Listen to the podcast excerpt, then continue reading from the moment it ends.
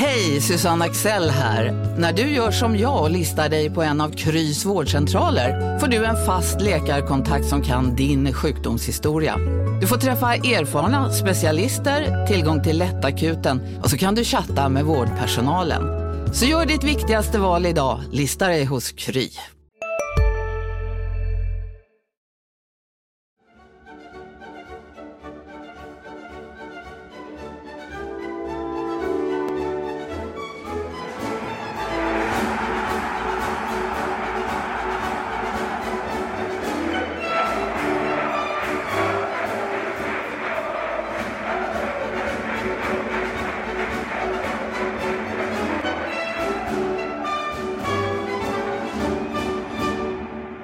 Den där trudelutten signalerar att HIF-podden är tillbaka. Erik Persson, Marianne Svab, Mattias Hjelm. Vi tre ska försöka prata oss igenom vad vi har fått för intryck så här långt av nya HIF, om man nu kan säga så. De börjar ju om i Superettan och det har hänt mycket som ni alla vet. Och vi börjar direkt där, tycker jag. Intrycken från de första träningarna. Välkomna tillbaka till HIF-podden alla ni lyssnare och Erik Persson och Marianne Svab. Tackar. Tack så mycket. Kul att, kul att vara här och dra igång. Det var ett tag sedan. Ja, det, detta har vi längtat efter. Fast inte så länge sedan eftersom säsong, förra säsongen var ju, varade ända in i december ju. Ja, jag har inte varit med. Det var nu, jag var nog med i oktober senast. Så att jag har eh, laddat i några månader. Så att, eh, Då är du fullproppad med intryck. Då kan ju du ta ordet nu Erik och, och leverera vad du har fått ut av de första träningarna som vi har varit på. Ja, eh, jag har bara varit där två gånger men man har väl ändå fått, fått lite, lite intryck. Det är ju nytt blod där med Jörgen Lennartsson och Mattias Lindsson som tränare och Jörgen Lennartsson har varit eh, väldigt aktiv eh, på de, av de träningarna jag har sett så har han stoppat spelet och, och instruerat väldigt noggrant och, och med pondus och, och, och detaljerat.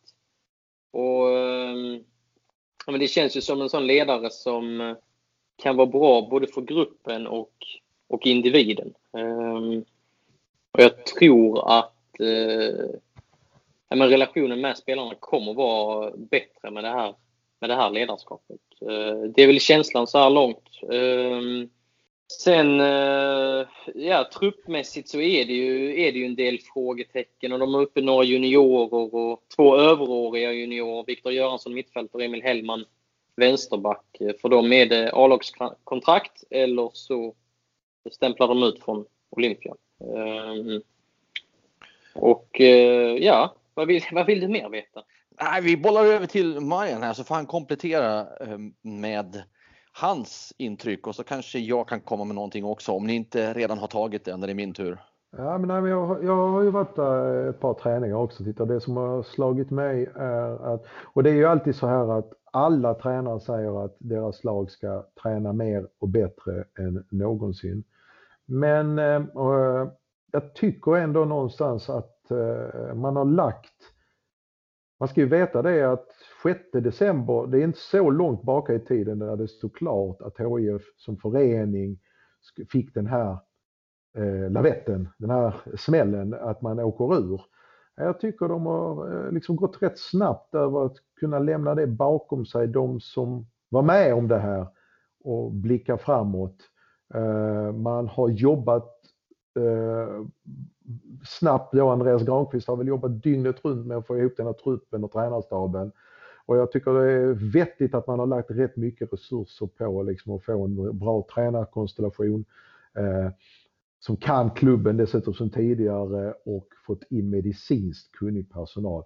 Och på träningarna tycker jag framförallt, man noterar det, de flesta spelarna, eh, vi kommer väl till det lite grann tydligare senare, men där är en bra intensitet, där är eh, bra fart och sen så har jag förstått att de kommer träna mer än tidigare under den här inledningsfasen, uppbyggnadsfasen. Det kommer vara fler träningstimmar. Man kör rätt ofta dubbla pass, förmiddagen och eftermiddagen. Och de här eftermiddagspassen, kanske tidigare där de har varit fri, individuella, kommer det vara kollektiva fyspass. till exempel. Eh, så det, kom, det är en del förändringar på, trä, på mm, vad det gäller träningen så att säga och upplägget där.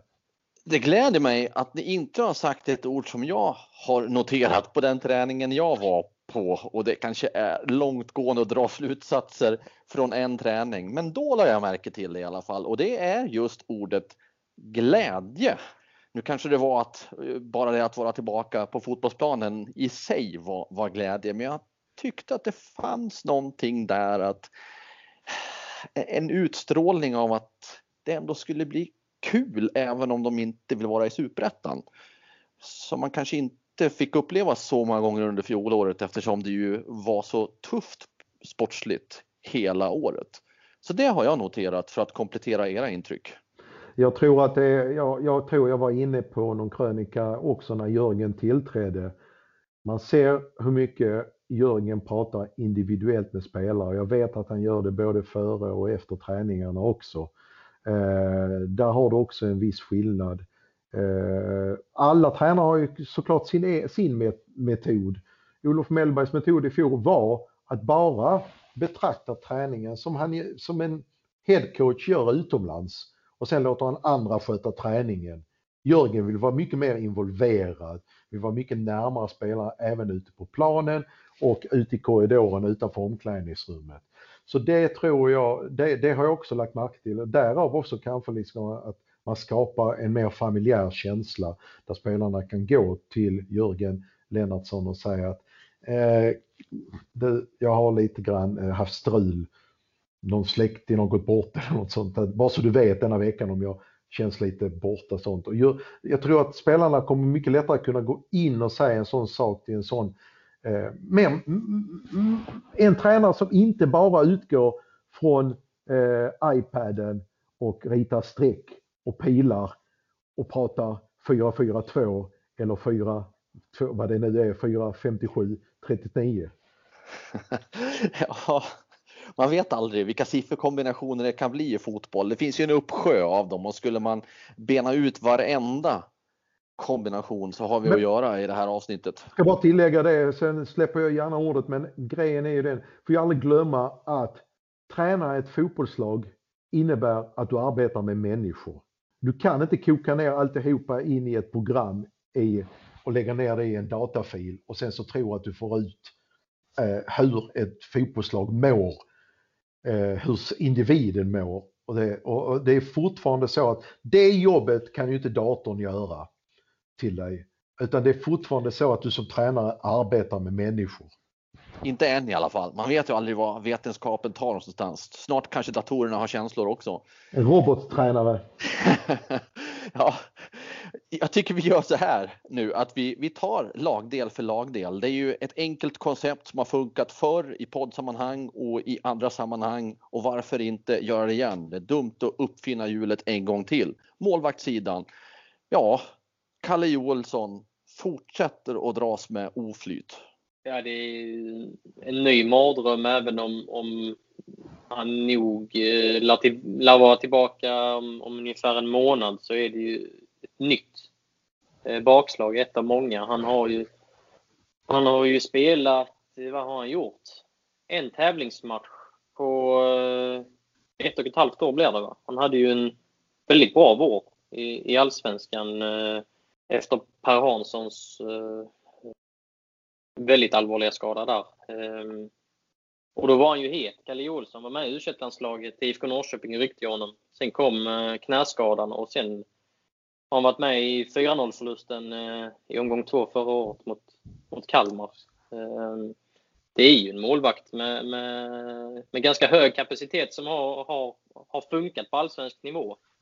Och, ehm, ja, tungt såklart. Eh, känns som allt händer. Brutet finger och, och liksom nya ingrepp i knät och det tar aldrig slut. Frågan är hur, hur länge man kan vara borta från toppfotbollen i Sverige innan det har gått för lång tid eller om man som målvakt kan vara borta väldigt länge och sen komma tillbaka. Du har väl en längre karriär som målvakt också kanske? Mm. Mm, så, ja, så. Alltså, det känns som mycket handlar ju om vilket psyke Kalle Joelsson har här. Mm. Absolut att det går att komma tillbaka till, till ja, samma höjder som han hade innan. Men eh, det är ju, ja han får jobba i motvind. Och dessutom jobbar han ju i en klubb där, där det är väldigt, väldigt tuff konkurrens. Så den dagen han kommer tillbaka, ja det ska mycket till för att han får speltid i det här laget om Anders Lindegård och Alexander Nilsson är skadefri. Det är ju den saken också. Därmed är vi ju inne på det som vi varit inne på ganska lång tid att på målvaktssidan är ju HIF väldigt välklädd. Även om de hade mycket skador under fjolårssäsongen, absurt mycket skador just i den här lagdelen. Men som det ser ut nu, trots Kalles frånvaro, så ser det bra ut. Anders Lindegård är kvar, Alexander Nilsson och så finns ju också Ian Pettersson att tillgå. Alltså det är nästan för ja. många målvakter. Ja, det, det, alltså för ett superettan-trupp så kan du inte hålla dig med fyra sådana namn. Alltså för det är som sagt, Kalle kommer tillbaka nu om en månad och då får man ju ändå förutsätta att han är med och konkurrerar. Då är det alltså, står det fyra stycken målvakter eh, där samtliga har spelat i allsvenskan eh, eh, och som hade gjort var och en av dem hade ju gått in i förmodligen de flesta lag i superettan. Så att ha fyra sådana på, ja, det, i truppen, det är ju... Jag vet inte, Ian kanske kan spela U19 fortfarande matcher. Eller han är överårig där också. Nej, han kan spela U19. Han kan spela U19, men... Mm. Vis av erfarenheterna så skulle man kunna säga att HIF, ja vi vet hur det var förra året. Vi behöver ha de här alla fyra eftersom vi har haft otur med skador. Men kommer de tillbaka så är det väl inte helt uteslutet att vi får se Eh, någon form av förhandling med någon annan klubb i någon form, skulle jag gissa i alla fall. Jag, jag trodde ju att Kalle Olsson eh, kanske men, är den som har legat närmast till hands när det handlar om utlåning. Eh, nu kom ju denna skadan som kanske har stört lite där, men det känns som han är i störst behov av det. Och, och även innan den här skadan här nu så, så känns det som att Alexander Nilsson Eh, efter förra säsongen att han, att han just nu är tvåa. Eh, Kalle Joelsson hade kanske mått bra av, av matcher eh, i en annan klubb för att komma tillbaka starkare. Men nu kom ju det här bakslaget och när man kollar igenom exempelvis superettan-trupper. Ja, det är inte många lag som söker målvakt. Det skulle vara kanske Akropolis och Brage. Sen eh, de flesta lag har faktiskt målvakter och division 1 är kanske för, för låg nivå. Så att man ska ju hitta något också inget lätt pussel att lägga. Men den dagen, den, ja sorgen ska man kanske inte säga, men den, den problematiken får man ta då när det kommer. Vi hoppar framåt ett steg i planen och hamnar då på backarna och här har vi då en lagdel där det finns mer att fundera kring. Om vi tar de namn som står inskrivna i truppen nu så är det Ravisoka, Andreas Granqvist, Martin Olsson, Kasper Widell. Martin Olsson har ju inte kontrakt då, men han står fortfarande kvar på deras Eh, hem, eh, webbplats i truppen. Och sen Jakob Folkelin Persson som är uppsatt som försvarare och Charlie Weber som är tillbaka efter utlåning. Ja ni, om inte Martin Olsson skriver på ett nytt kontrakt och om inte Andreas Granqvist faktiskt håller, att hans kropp funkar, då ser det ju väldigt tunt ut i det bakre ledet. Ja, det är, det är bara att konstatera att det är maffiga frågetecken. Eh, frågetecken där. Eh, jag vill väl addera Andreas Landgren till försvarskonstellationen eh, eh där också. Jag tror att han är första valet som högerback just nu faktiskt. Sen är han ju en väldigt bra mittfältare också. Eh, så där har man ju Ravitsuka och Andreas Langen som två alternativ. Det, det finns ju talang i, ta Jakob Folkling Persson exempelvis, men han hade ju mått bra av att spela, ja, helst bredvid Granqvist eller någon annan mer etablerad. Kolla på Halmstad som eh, tog steget upp förra året. De hade Andreas Johansson och Josef Baffer som, som eh, mittbackspar. Eh, Kasper Videll och Jakob Folkling Persson, talangfulla men eh, funkar det att gå upp till Allsvenskan här och nu med en, med en 17-18-åring och en 20-åring. Eh, de behöver kanske lite, lite uppbackning. Du har, du har Charlie Weberg som har haft ett år i Superettan redan. Ja, Grej. precis. Men ja, Det är ju, vad är han? Han fyller 23 år. Visst, han har superettan-erfarenhet, lite allsvensk erfarenhet, men jag skulle väl tro att om Granqvist inte kan göra comeback, att man letar efter något ganska etablerat mittbacksnamn.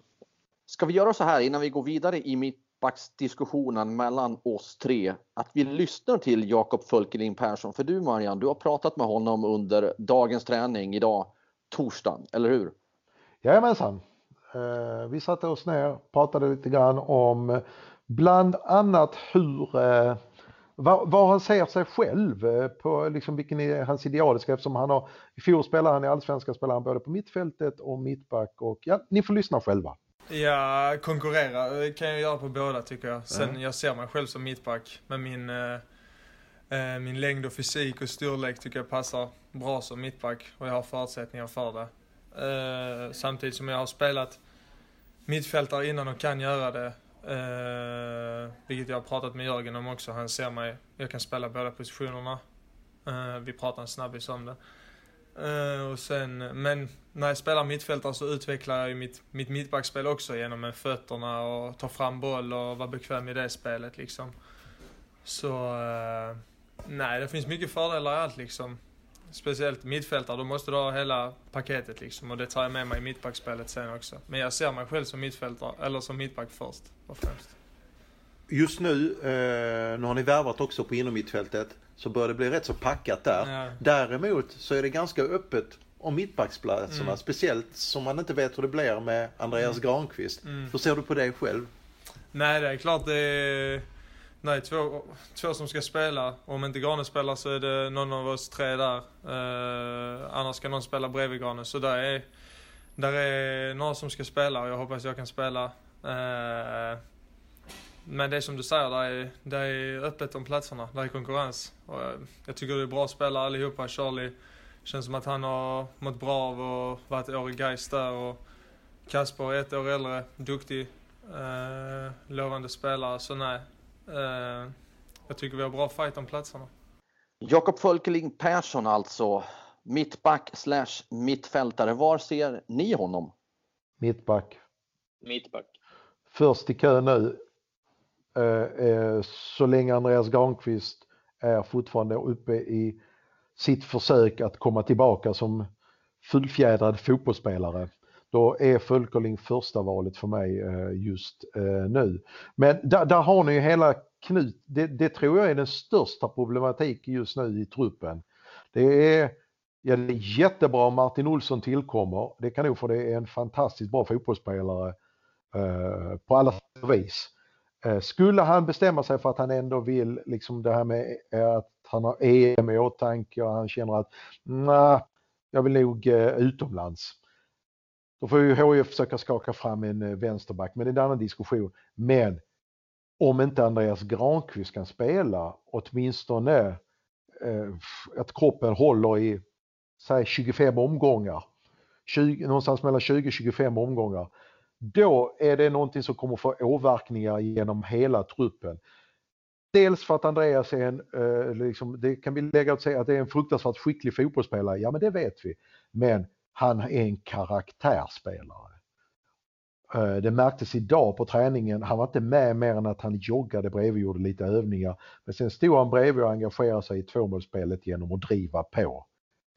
Jag har jättesvårt att hitta de här, även om det finns rutinerade namn i truppen, de här karaktärerna som har det i sig eh, någon annanstans. Och det som Erik var inne på då, då måste man gå ut och värva ett namn som, jag säger, det behöver kanske inte vara världens bästa fotbollsspelare, men det måste vara en karaktärsspelare i det läget.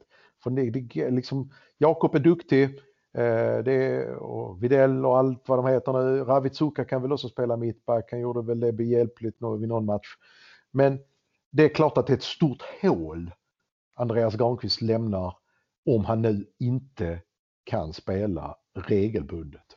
Eh, ja, och, Martin Olsson. Jag har ju sagt tidigare att jag, skulle, skulle han förlänga med HIF så är det sensationellt. Jag, jag tror fortfarande det blir svårt. Och, ja, skulle, skulle, skulle han mot förmodan göra det, ja då är det kanske vissa som, som, som tror att han ska spela mittback. Men det finns ju ingen annan vänsterback blir det så att Martin Olsson mot förmodan stannar så ses han som vänsterback. Och... Framförallt så har han ju pratat med Janne Andersson och Janne, ska han vara med i EM-truppen så duger det inte att spela mittback i HIF. Nej, men där kommer vi då till nästa problem att eh, det finns ingen vänsterback i truppen, ingen naturlig vänsterback i truppen som det ser ut just nu. Det finns inte ens en backup. Det är ju där Emil Hellman hoppas kunna ta, eh, ta en plats, få ett A-lagskontrakt men eh, av det jag har sett och det jag hör när jag har örat längs rälsen så, så, så, är han väl i bästa fall en backup som det ser ut just nu. Simon Bengtsson från, eh, från juniorleden, eh, född 2004, varit pigg på träningarna men eh, kanske inte superettan redo i år. Men kan det vara så att det till slut i alla fall landar där att man kontaktar Adam Eriksson igen? För han har väl inte gjort klart med någon ny klubb? Eller jag, jag har funderat på den biten faktiskt. Senast idag när jag stod på träningen. Varför inte? Han är lätt att komma i träning. Han är fortfarande i bra fysisk form. Har säkert hållit igång, hållit igång mer än liksom fortfarande som en allsvensk fotbollsspelare just av den anledningen att han vill komma förberedd den dagen det eventuellt kommer ett erbjudande.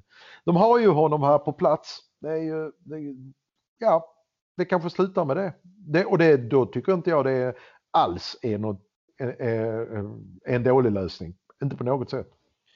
En intelligent, man, ja, en intelligent och bra människa med huvudet på rätta stället. Eh, med där han ska vara. Alltid i topptrim fysiskt, nästan aldrig skadad. Håller på allsvensk nivå. Var ligger frågetecknet i det här läget? Ja, nej, Adam yeah. är ju också en sån som kan som, som inte, att han inte fick förlängt i första läget. Han vet hur det funkar och är så pass klok så att han accepterar och vet att det funkar så här också. Det är inte konstigt inom elitfotbollen, inom elitidrotten. Ena veckan så kanske du inte får förlängt kontrakt, sen ringer kanske samma klubb senare. Liksom. Jag tror inte det är liksom inga hard feelings heller från hans sida utan han, han kan nog glida in rätt sömlöst i uh, och, och, börja göra jobbet som han ska. Och tittar man då liksom om i ett optimalt läge och vi säger att följer Eriks, eh, jag är lite inne på Eriks linje, det vore sensationellt om Martin skrev på. Eh, så om man inte gör det så har du kanske en backlinje då som premiären och Gran, förutsätter vi att Granqvist kommer i skick. Ja, men då har du Landgren, Granqvist, Fölkerling, Adam Eriksson och Anders Lindegård som målvakt. Jag tycker inte det är så dålig försvarslinje för att vara superettan. Nej, och jag har också tänkt på det här Adam Eriksson-spåret. Skannar man av spelare i, i, i superettan och allsvenskan som är hyfsat etablerade. Ja, man kan hitta Oskar Sverrisson som har suttit på en bänk i Häcken som kanske skulle kunna bli ett alternativ. Men jag hittar i alla fall inte jättemånga heta namn. Och eh, ja, TVH är precis en spelare från Estland så att eh, de kollar utomlands också. Där har jag inte lika bra koll. Men men som ni är inne på, man vet ju vad man får i Adam Eriksson och Adam Eriksson vet, vet vad han får. Och frågan är hur många alternativ det finns för honom. Degerfors, nykomling i Allsvenskan skulle man kanske kunna tänka vara ett alternativ. Nu har de tagit Anton Kralj istället. Eh, jag vet inte hur många alternativ han har i heller. Han, har också, han är civilt rotad här i Helsingborg, det ska man inte glömma, och ha ett civilt arbete också. Men, men, men, nu spekulerar vi. Det här är ju ingenting som, som på något vis är kommenterat utåt från HIF att det är på gång. Det får vi i podd. Det får vi i podd, precis. Men dit jag vill komma är att vi, som det ser ut just nu så ingår han inte i någon HIF-trupp. Och som det ser ut nu så ingår inte heller Martin Olsson på något kontrakt i någon HIF-trupp. Så om vi då tänker att Martin Olsson förmodligen inte kommer att ingå heller, även om Andreas Granqvist kan spela, så är jag inne på att man behöver fylla på med ytterligare någon, någon spelare i alla fall, även om Granen är med. Ja absolut. Ett namn som någonstans finns med i leken, han har inte heller kontrakt och han är skadad, men Marcus Olsson kanske kan göra comeback till sommaren. De kanske ser eh, en möjlighet att förlänga med honom och där kanske man har ett, eh, ett eh, har du också valt att bli egen? Då är det viktigt att skaffa en bra företagsförsäkring. Hos oss är alla småföretag stora och inga frågor för små. Swedeas företagsförsäkring är anpassad för mindre företag och täcker även sånt som din hemförsäkring inte täcker. Gå in på swedea.se företag och jämför själv. Hej, Synoptik här. Hos oss får du hjälp med att ta hand om din ögonhälsa. Med vår synundersökning kan vi upptäcka både synförändringar och tecken på vanliga ögonsjukdomar. Boka tid på synoptik.se. Eh, vänsterbacksalternativ. Men vågar man då eh, satsa vänsterbackskortet under våret på exempelvis Emil Hellman? Ja, det, där är jag tveksam. Så att, eh, även om man räknar in Marcus Olsson, som man lätt glömmer i den här ekvationen, så, så behöver man en, en slagkraftig eh, vänsterback här och nu. Och sen, sen är det ju, även om Andreas Granqvist skulle göra ett par, tre matcher, så är det ju ändå frågetecken. Håller han i längden? Eh, så att det känns som att ja, det kommer vara frågetecken ett tag till här. Det är ju en, en slags Gordons knut här, eller moment 22. Eh, för, för Andreas Granqvist är den som är högst involverad i att plocka in spelare och han själv sitter på alla nycklar. Men han vet ju, han kan, inte ens han kan veta om nycklarna passar i låset för hela säsongen, att han kan öppna alla dörrar. Så det är ju en jättekonstig situation som Andreas Granqvist befinner sig i nu. Ja, verkligen. Och hur länge kan de vänta på att han får ut sina kvitton? Vare sig om de är negativa eller, eller positiva. Nu börjar träningsmatcherna snart och ja, det, det, det är en väldigt klurig situation. Och det här vill man inte ha i en trupp när man ska förbereda sig för en ny säsong och förhoppningsvis kunna göra väldigt bra ifrån sig och rent av kanske kunna studsa tillbaka till allsvenskan direkt. Man vill ju inte ha sådana här stora frågetecken i en trupp. Nej, och i den positionen också. I centrallinjen. Man pratar ju ofta om att bygga en stark centrallinje. Att det, det där slagkraftiga lag eh, har sin grund. Så att, eh, det är problematiskt utan tvekan. Vi lämnar. Men mycket löses ju om, som sagt var, han ger klartecken och är med i den där premiären i Sundsvall. Uh... Precis, men då kommer ju följdfrågetecknet för hur många matcher håller mm. han? Håller han en hel säsong som du också var inne Marian på inledningsvis? 20-25 matcher pratar du om. Ingen vet ju det. Ingen vet ju. Det kanske känns Alla jättebra i premiären. Granen. Allra minst granen. Så, så hur man än vänder och vrider på det kommer vi tillbaka till det där frågetecknet Erik. Vad händer om han går sönder efter tre matcher? Då står man där i alla fall. Vi lämnar försvararna och tittar på mittfältarna. Vad säger ni om det? Eh, spontan tanke att det ser eh, väldigt bra ut om alla är friska rent eh, spetsmässigt. Att man kommer att köra tre mittfältare, tre liksom centrala mittfältare. Eh, då kan man få en ganska bra startuppställning men eh, bredden finns inte riktigt där. Ehm, sen får vi se om Viktor Göransson då, den överårige junioren, får ett kontrakt. Jag tror att det ligger ganska nära till hands ändå. Eh, att det är planen att man vill fylla på där. Då har man lite fler alternativ i alla fall. Men, ja. Vilka räknar du då in som mittfältare? Du har ju plockat bort Andreas Landgren och lagt in honom på backsidan. Eh, och i, i, som det står uppställt på HIFs webbplats så finns där Marcus Olsson, Andreas Landgren, Brandur Henriksson, Vladislav Kreida och Daniel Hafsteinsson. Så jag antar att du har puttat ner kanske Rasmus Jönsson som mittfältare där då, eller? Ja, alltså om man tänker ett eh, 4-3-3 eller 4-2-3-1. Jag tänker väl främst 4-3-3. Så Vladimir Krejda det, som... det är där man landar. Det är där man har sagt att man vill utgå ja. ifrån när man anfaller. Ja.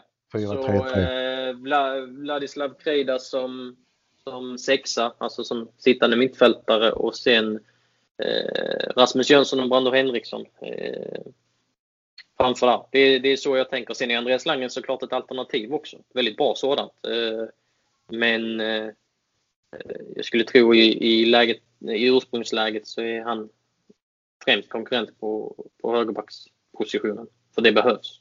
Och Daniel Hafsteinsson? Ja, Daniel Hafsteinsson som ju var utlånad. Eh, hemma på Island eh, för, förra året och var lite skadad i slutet och, och säsongen slutade tidigare på grund av uh, nya coronarestriktioner där. Men, men, gjorde det ganska bra i, i de 11, 12, 13 matcher han, han spelade. Hade en ganska offensiv roll och gjorde en del poäng. Men uh, han har ju inte gjort någonting i HIF än så länge. Eh, så vi vet ju inte riktigt var vi har honom. Men han har ju ganska hög status där hemma och varit u landslagskapten och så det bör ju finnas någon form av grundkapacitet men vi har inte sett hans höga höjder än så länge i alla fall. Så spets i Rasmus Jönsson och ett par till men inte så mycket bredd sammanfattningsvis? Nej, de är inte så många heller. Det, är, det, vore, det vore naturligt om, om Viktor Göransson då får ett kontrakt. Andreas Granqvist har ju sagt att de inte tittar, eller jagar fler mittfältare här nu efter att Vladislav Krejda skrev på Mix Diskerud och flyttat till Turkiet. Och då känns det lite tunt här och nu. Så att jag skulle tro att planen är att lyfta upp Viktor Göransson om han eh, visar att han förtjänar det här nu under, under försäsongen. Ja, du har ju som han skulle kunna, nej han måste vara längre upp. Jag tänker på Dennis Olsson. Ja, det är ju en, det är en utmärkt kantspelare. Det är en kantspelare, ja. Ja, det är ju en, en ytterforward då i, i ett 4-3-3 och mm. just ytterforwards, ja där finns det inte alls mycket heller. Nej, där saknar, där saknar jag också namn. Där tycker jag också man, ja. eh, i dagsläget är det väl Max och Dennis. Ja, det är ju det. Sen skulle man kanske kunna tänka sig att Rasmus Jönsson uh, kan gå Fast in där om man, spelar med, om, man, om man spelar med tre centrerade mm. ytterforwards. Man kan spela 4-3-3 på, på olika sätt. Man kan nästan ha tre nior där framme. Men uh, det känns väl snarare som att Rasmus Jönsson kommer utgå från mittfältet. Så att, ja, där är det inte många namn. Asad Alamlawi som är skadad nu är ju bäst som nia, alltså central forward, men eh, spelar faktiskt lite ytterforward när han var i Ängelholm också, så han skulle kunna gå där. Men eh, han har ju också en enorm skadehistorik. Rasmus. Rasmus, eh, eh, att han eh, har hittat sin position som jag tycker ändå han gjorde när de till slut hittade det här offensiva där han kunde komma från lite grann från mittfältet eh, i allsvenskan då i slutet av allsvenskan det är nästan som ett nyförvärv att man har hittat, lyckats äntligen för det var ju, han flyttades runt lite grann där under säsongen i början va? Eh, och var väl inte helt nöjd själv. Nej, då eh, var han ju, alltså under försäsongen var han ju lite i den rollen som jag pratar om här nu. Eh, någon form av centrerad ytterforwardsroll och det, det, det, funkar ju inte riktigt. Sen var det väldigt mycket som inte funkade i HIF då. Men eh, han visar ju faktiskt eh, en del egenskaper som en box-till-box mittfältare i vissa matcher för, mm. förra året. Han löpte väldigt mycket från straffområde till straffområde. Så jag tror att det gömmer sig en bra central mittfältare där och, i, i det här systemet också. Om man ska veta det liksom alltså att Rasmus är ju en så kallad hemmakatt. En som har genom hela karriären trivts bäst på ett ställe och det är Olympia. Och nu har han dessutom fått ett längre kontrakt. Eh, det blev till och med ett treårskontrakt till slut va? Ja, det blir 2023 går det ut. Blir det tre, ja, det blir tre år ja. Ja, det blir tre säsonger till. Bara en sån sak tror jag betyder rätt mycket som sagt var liksom Rasmus trivs här och nu och hemma och att han, jag tror att vi får se en, en helt annan Rasmus. Jag hoppas det också. Det har sett jättebra ut på träningarna så här långt.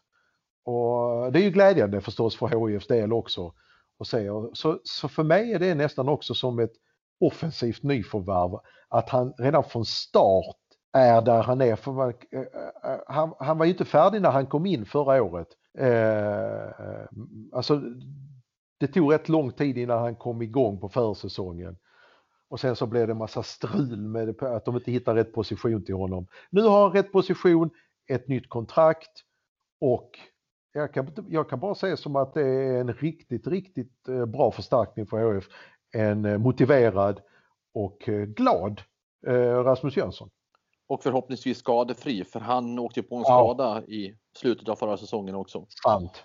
Okej, Rasmus Jönsson då som mittfältare i, i, i, det sättet ni pratar fotboll och system här då. Men tittar man framåt så ser det ju på pappret väldigt bra ut och ändå kommer vi att höja varningens finger eller frågeteckets finger.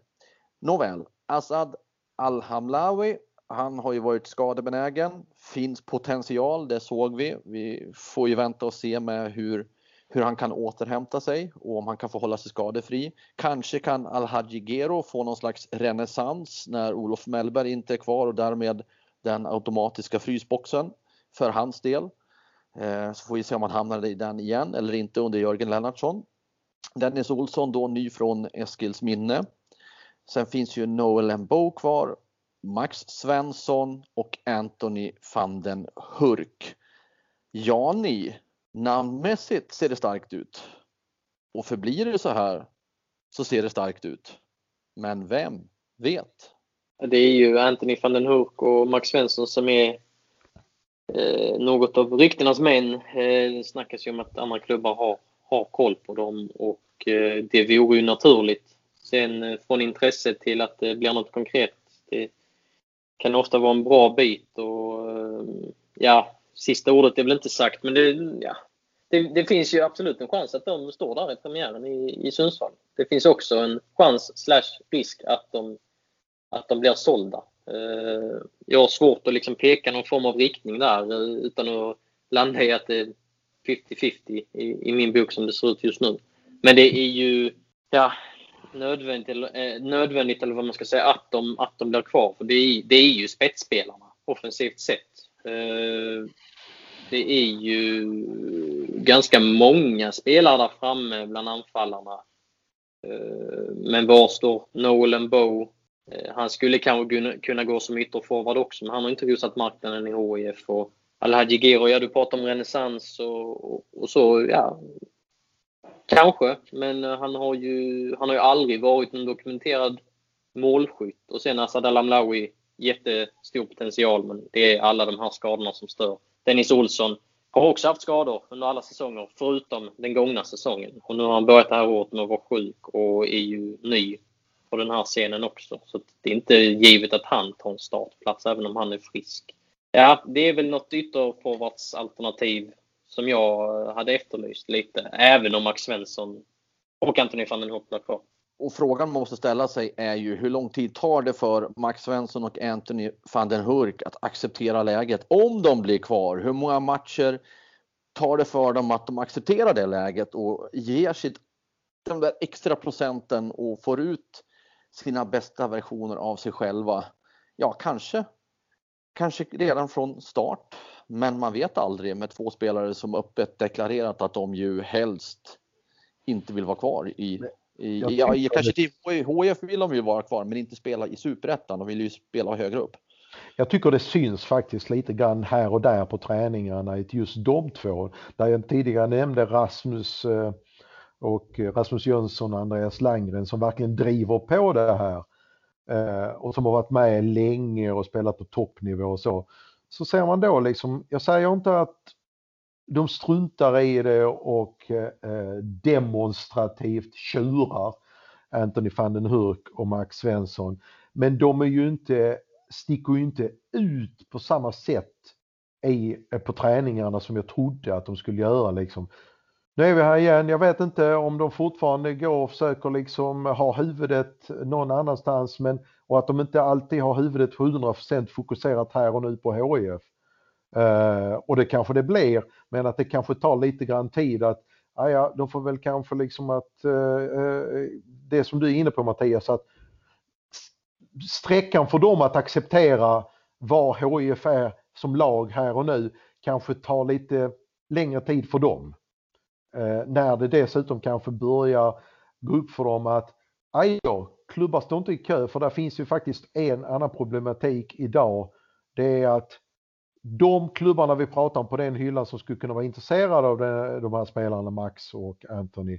Alltså, de har ju den slanten de har i dessa pandemitider och de, den slanten måste de förvalta väldigt väl. Eh, I vanliga fall, kanske en vanlig säsong, hade man kunnat ta, ja men vi tar dem och sen så tar vi ytterligare en spelare. Nu står man med, med en vågskål, varenda ett beslut i de flesta klubbarna HIF eh, eller då superettaklubbar eller eh, de flesta allsvenska klubbar utan Malmö, eh, utländska klubbar som, som vi pratar då utanför de stora ligorna. Alltså de måste ju väga varenda ett beslut på guldvåg. Med tanke på att ovissheten fortsätter i omvärlden. Så tror jag. Ja, absolut. Jag skriver under eh, på det. Eh, det har ju ryktats om bland annat IFK Göteborg kring båda de här spelarna. Eh, och där är det ju ja, ingen drömekonomi eh, som på så många andra ställen som du säger Marianne. Och de hoppas väl få hem Marcus Berg till, till sommaren och ja, då tar man nog inte in Anthony van den Hoek nu. Och, stannar hos Amayesh och, och, ja, då kanske man kan ta in Max Svensson. Det är ett pussel på, på många andra ställen och ja, när vi kommer in i februari, mars så där då, då, eh, ja, då har det gått ganska lång tid. Alltså kan HIF acceptera ett bud då och, och hitta någon slagkraftig ersättare? Ja, det, det är många faktorer som, och som, spelare, och som spelare kan du inte köra hur länge som helst för det kommer ett sommarfönster också som egentligen är Eh, på många sätt, alltså vad det gäller möjligheter, alternativ, är mycket bättre än vinterfönstret. Och går du då och tjurar och liksom går runt och inte gör, försöker göra ditt jobb, ja, då kan det ligga där i fatet sen när nästa fönster kommer. Ja absolut, alltså det bästa, om nu Max Svensson och Anthony van Hoek stannar, det bästa de kan göra både för sig själv och för klubben är ju att ja, men, knyta näven i fickan och, och leverera. Eh, för det är klubbar som är intresserade. Det är ju klubbar som tittar på dem. De eh, kollar nog också vad de har för karaktär här. Eh, för detta är ju ett karaktärstest om de blir kvar i klubben och eh, får börja om i Superettan. Gör de det, spelar de ändå då på hög nivå så, så kanske det signalerar någon form av eh, ja, bra eh, mentala egenskaper som, eh, som andra klubbar tittar på också. Men om jag får lägga an ett perspektiv från andra hållet. När ni är inne på detta med pandemins lagar kan man nästan säga som, som styr vad klubbar kan göra och så. Både Anthony och Max har ju bevisat, Max under flera säsonger och Anthony under sin första allsvenska säsong, att de håller på den nivån och varför plocka, varför plocka in en annan anfall, anfallare, tänker jag, i andra allsvenska lag som man kanske inte vet att de kommer att funka just i Allsvenskan När det finns en målskytt av Anthony van den Hurks slag redan. Det borde väl tala för honom, ja och även, även Max när andra klubbar tittar på dem. Jo absolut, sen finns det ju andra spelare i den kategorin också. Häcken exempelvis har ju tagit in Alexander Jeremejeff som, som är en väldigt bra allsvensk forward så att det finns ju fler än de här. Men absolut, det är ju något som talar för dem. Och de känns alltså Max har ju tagit den här vändan i Superettan, behövde åren i Superettan då. Eh, för att få bort lite valpighet och bli en riktigt ja, men bra seniorspelare.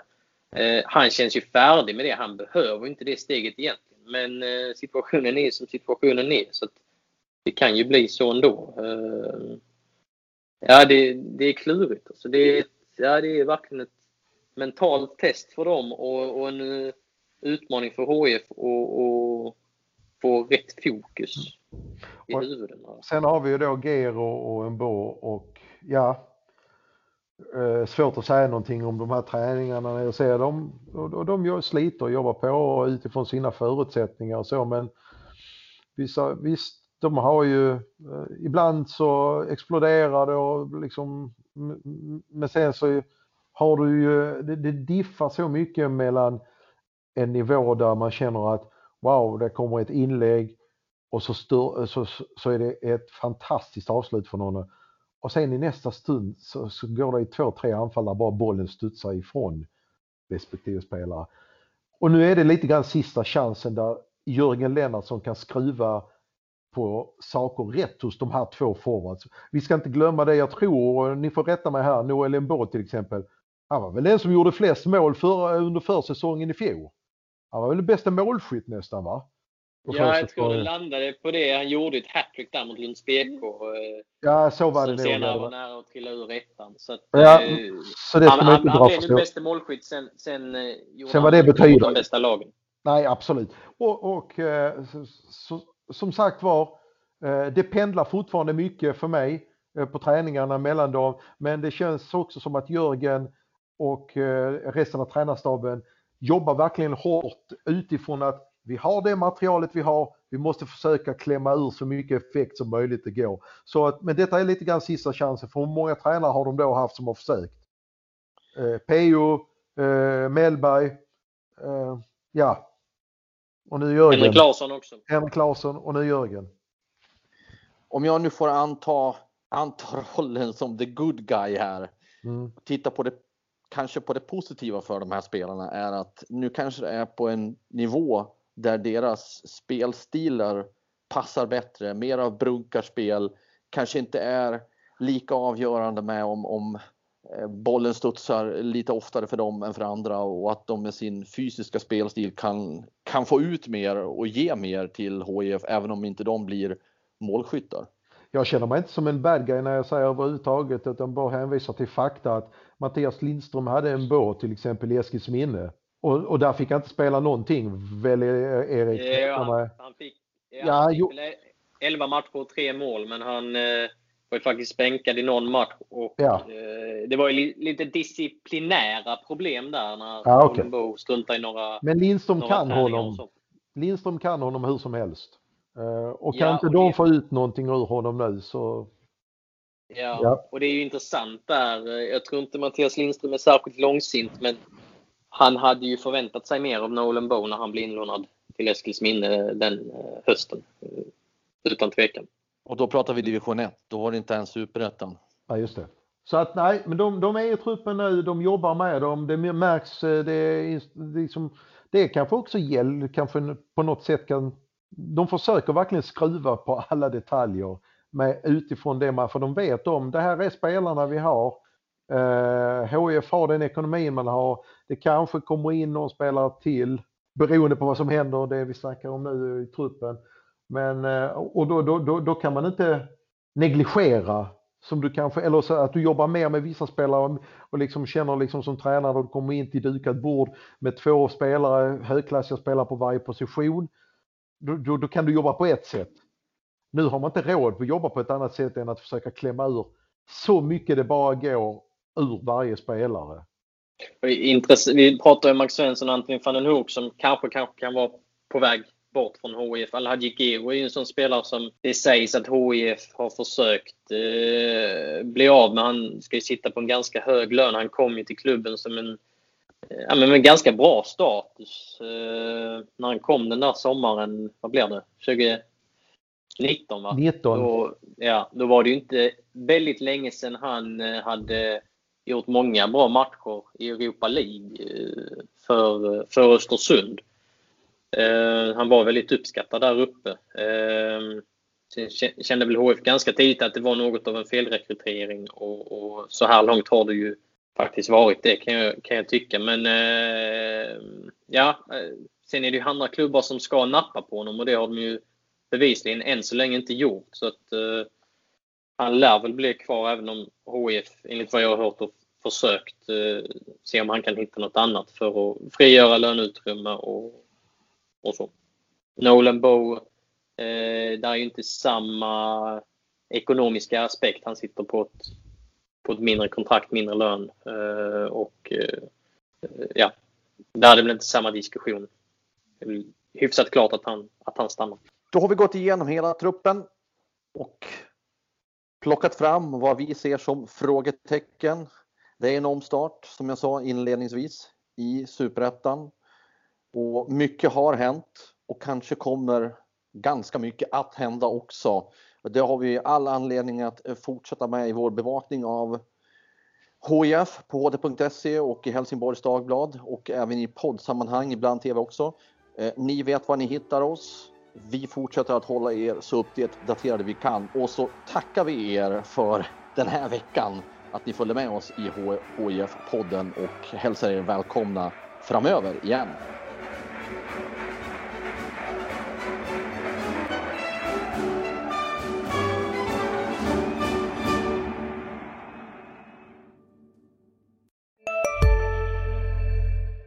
Välkommen till Maccafé på utvalda McDonalds restauranger med Baristakaffe till rimligt pris. Vad sägs om en latte eller cappuccino för bara 35 kronor? Alltid gjorda av våra utbildade baristor. En nyhet. Nu kan du teckna livförsäkring hos Trygg-Hansa. Den ger dina nära ersättning som kan användas på det sätt som hjälper bäst. En försäkring för dig och till de som älskar dig. Läs mer och teckna på trygghansa.se. Trygg Hansa, trygghet för livet.